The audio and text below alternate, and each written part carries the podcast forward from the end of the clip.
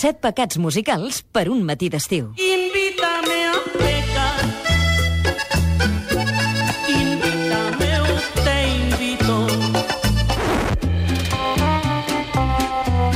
Per pecar a aquesta hora necessitem aquí la presència de Xavier Salvà. Bon dia.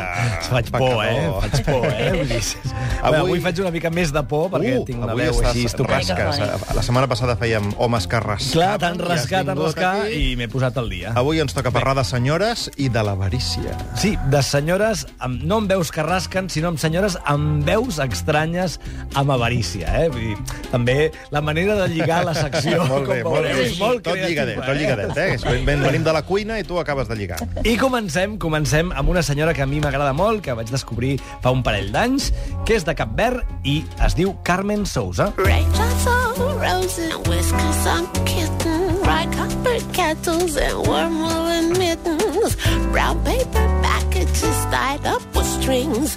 These are a few of my favorite things: green colored ponies and crisp apple strudels, doorbells and sleigh bells and sheets of wood Hi ha noodles. versions que m'agraden també. Ah, això que t'agrada tant. Les versions, una versió de My Favorite Things, Somriures i llàgrimes, el musical de Rodgers i Hammerstein, que aviat em sembla que veurem aquí a Barcelona, també, no? Perquè estava fent càsting aquest estiu i tot Molt això. bé, molt bé. Vull dir que, en fi, el cas és que tenim aquesta versió amb aquesta senyora, una veu realment prodigiosa, elegant, única, Carmen Sousa, que va ser a Barcelona el maig passat i va fer un parell de concerts al Jamboree que jo crec que han deixat allò eh, empremta perquè segur, jo n'estic segur que tornarà. De fet, està fent una gira per tot el món i està triomfant com la Coca-Cola. Carmen Sousa, que neix a Lisboa, malgrat que és de pares capverdians, i els orígens són de l'illa on surt la Morna, on surt... Bueno, Cesarea Évora, evidentment, i tot això es, es nota molt i es troba en el seu treball, sempre navegant entre el jazz i la música d'orígens del seu país. Com, per exemple, eh, clàssics de tot tipus, recordant Cesarea Évora, evidentment, o aquest bebop de Miles Davis. contava a história de um senhorita que tava de uma tanaria.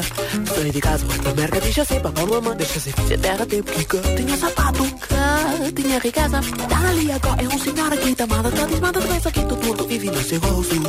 Eu tava sem dona Lia e rainha de quintal. Tinha preças verdolaga, ganharia, porta com a frente e ela putra.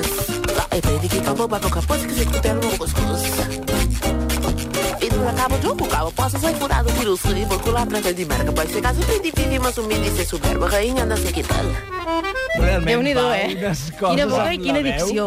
Clar, clar, és que fa aquestes coses en la veu que a mi m'encanta. És deliciosa, deliciosa. Carmen Sousa, que, com podeu comprovar, aquesta veu tan singular i aquesta manera de cantar que fa pessigolles a les orelles, com jo dic, i que, a més a més, té una habilitat que fa molts anys han posat amb allò en solfa grandíssimes veus del jazz, com Ella Fitzgerald, com Sarah Vaughan, ara com Didi Bridgewater, que és l'escat, que si us sabeu, és aquella tècnica de no dir res fent sorolls i tota mena de ritmes amb la gola, no? L'Escatman John hi havia, que ho popularitzava. Sí, senyor, sí, senyor.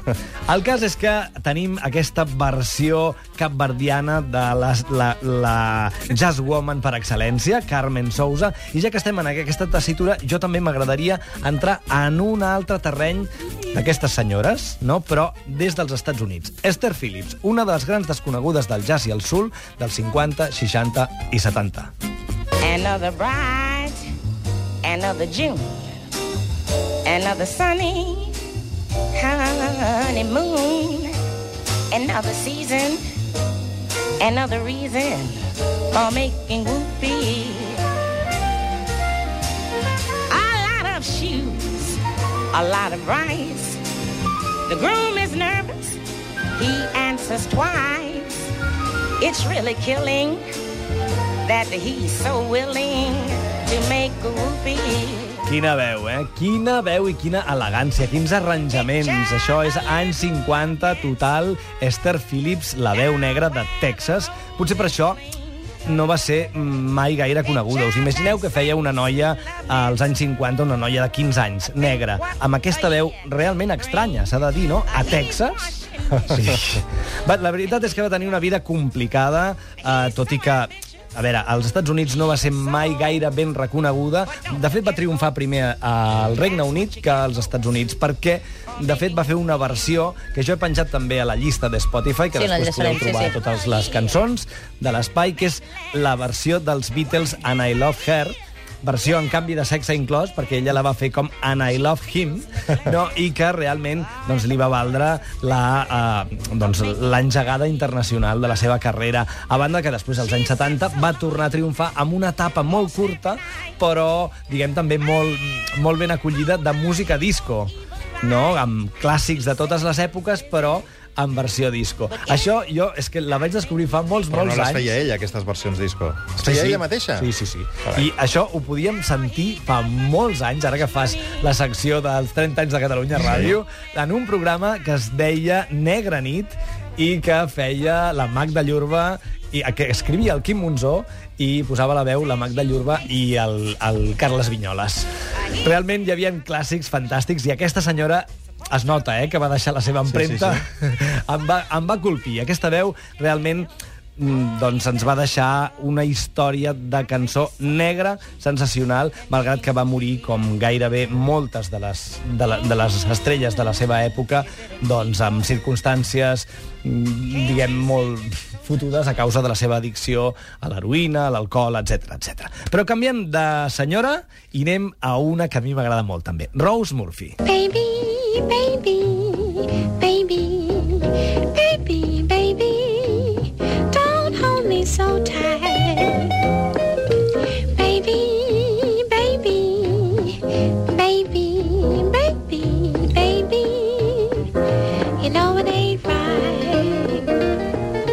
Rose Murphy, una descatalogada il·lustre del fora de català que fa anys vaig apostar per recuperar-la perquè aquesta veu realment... Bueno, durant molts anys l'he portat al Sembla que mòbil. s'hagi de trencar, eh? Sí? Sí, sí. Era el meu, el meu so de, de rebre tocades. M'agradava molt. Baby! té, té aquesta cosa. El cas és que ja fa un parell d'anys que, que va tornar a tenir una certa popularitat gràcies precisament a la cançó Pennies from Heaven del film The Artist, que, eh, que servia per, per fer els títols de crèdit del final. Com deia la cantant, coneguda més exactament com la Chichi Girl, no em malinterpreteu, es tracta de dues, Chichi amb amb dues dues es, eh? Chichi, no? que era una mena de morcilla que ella feia servir, que afegia a totes les seves interpretacions, a banda de tota mena d'onoma- d'onomatopeies, de sorolls que feia amb la boca, d'efectes de percussió, amb el peu. Si us sentiu, ja veureu. I would if I could, Aquest ritme era ella amb el peu, que està en moltes de les seves gravacions i realment li dona un toc molt, molt especial. Una senyora que deien que... Bueno, no deien, jo ho he vist. Somriu quan canta. És una senyora molt, molt divertida. Una... Simpàtica. Sí, sí, a mi em recorda la meva tia Juanita. No, porta bon rotllo, no?, quan riu. Sí, és allò que... Bueno, està allà al piano. Si podeu, mm, mireu al YouTube, perquè hi ha un parell de vídeos d'ella i comprovareu aquesta manera de cantar tan especial. Rose Murphy. realment. Rose Murphy. Canviem de tema i anem a, no a la Chichi Girl, sinó a la Cuchi Cuchi Girl. un fenomen totalment paranormal dins la història de la música pop. Charo Baez.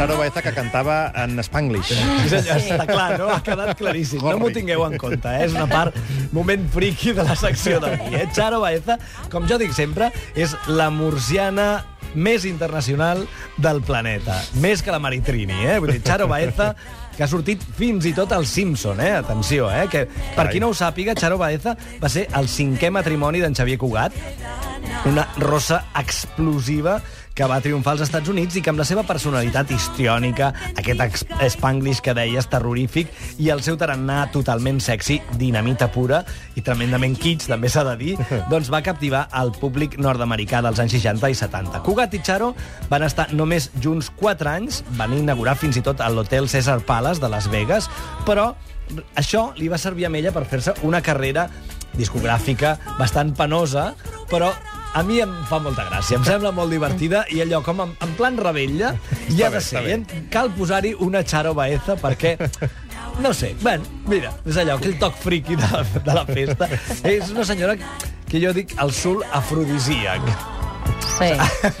Va, t'ho comprem, no? Jo, mira-te-la al YouTube i ja m'ho diràs. Val. Perquè està ple de vídeos del YouTube, el, el, de la televisió dels anys 60 i 70, on la seva aparició, fins i tot hi ha una, una paròdia de la Carol Barnett, fent de la mare de Charo Baeza, que Ui, fa plorar de riure. Mix, Bé, Carol Barnett ja i m'ho Charo Baeza. un altre dia. De moment, continuem ara però amb una cosa una mica més seriosa. Fan pessigolles, però d'una altra manera. Petra Magoni. Nessuno, ti giuro, nessuno, nemmeno il destino ci può separare, perché questo amore che il cielo ci dà sempre vivrà. Nessuno, ti giuro, nessuno può darmi nel dono di tutta la vita gioia infinita che sento con te, solo con te. Això és una altra cosa, eh? Sí. Petra Magoni, una altra veu aguda, també, versàtil, i amb una empremta curiosa. De vegades s'assembla una mica a la Bjork, però Petra Magoni té un tarannà absolutament únic. I això que canti en italià realment també la fa d'una manera especial. Ella sempre actua així, amb la veu pelada, gairebé la veu despullada, no sovint amb el contrabaix de Ferruccio Spinetti, amic i col·laborador de tots els seus projectes, concretament el Música Nuda, amb la que ja porta tres àlbums i que realment està molt bé. Ha passat per aquí alguna vegada i realment la seva empremta musical, tant en els seus discos com en directe, és impressionant. A mi m'agrada molt, eh? Jo sempre que us porto coses són perquè m'agraden, eh? No perquè... No, no, home, no ho dubtem pas. Una altra cosa és que us agradin Encara que a sigui friqui. no, eh? que sigui. I acabem amb l'última fricada, això sí, fricada total del, de la dècada, gairebé, jo diria. Eh? En aquest cas ve del Japó. I després de l'es- de l'Espai, de es- Pizzicato 5 i d'altres coses així estranyes, realment aquesta jo crec que no ho supera ningú. És el número 1 d'aquesta dècada, vindria a ser com una versió pop de la Yoko Ono, i té diverses personalitats. Fa art, música i enguany ha editat un disc homenatge a la defensora número 1 de les foques, Brigitte Bardot, amb eh, un títol molt especial, perquè ella s'anomena el seu nom artístic, sí? Baguette Bardot. I Baguette Bardot només té un sentit que també ho podreu trobar al YouTube si busqueu alguna de les seves actuacions internacionals impressionants que recullen aquest testimoni d'una senyora que apareix cantant amb, no amb braços, sinó amb dues baguettes.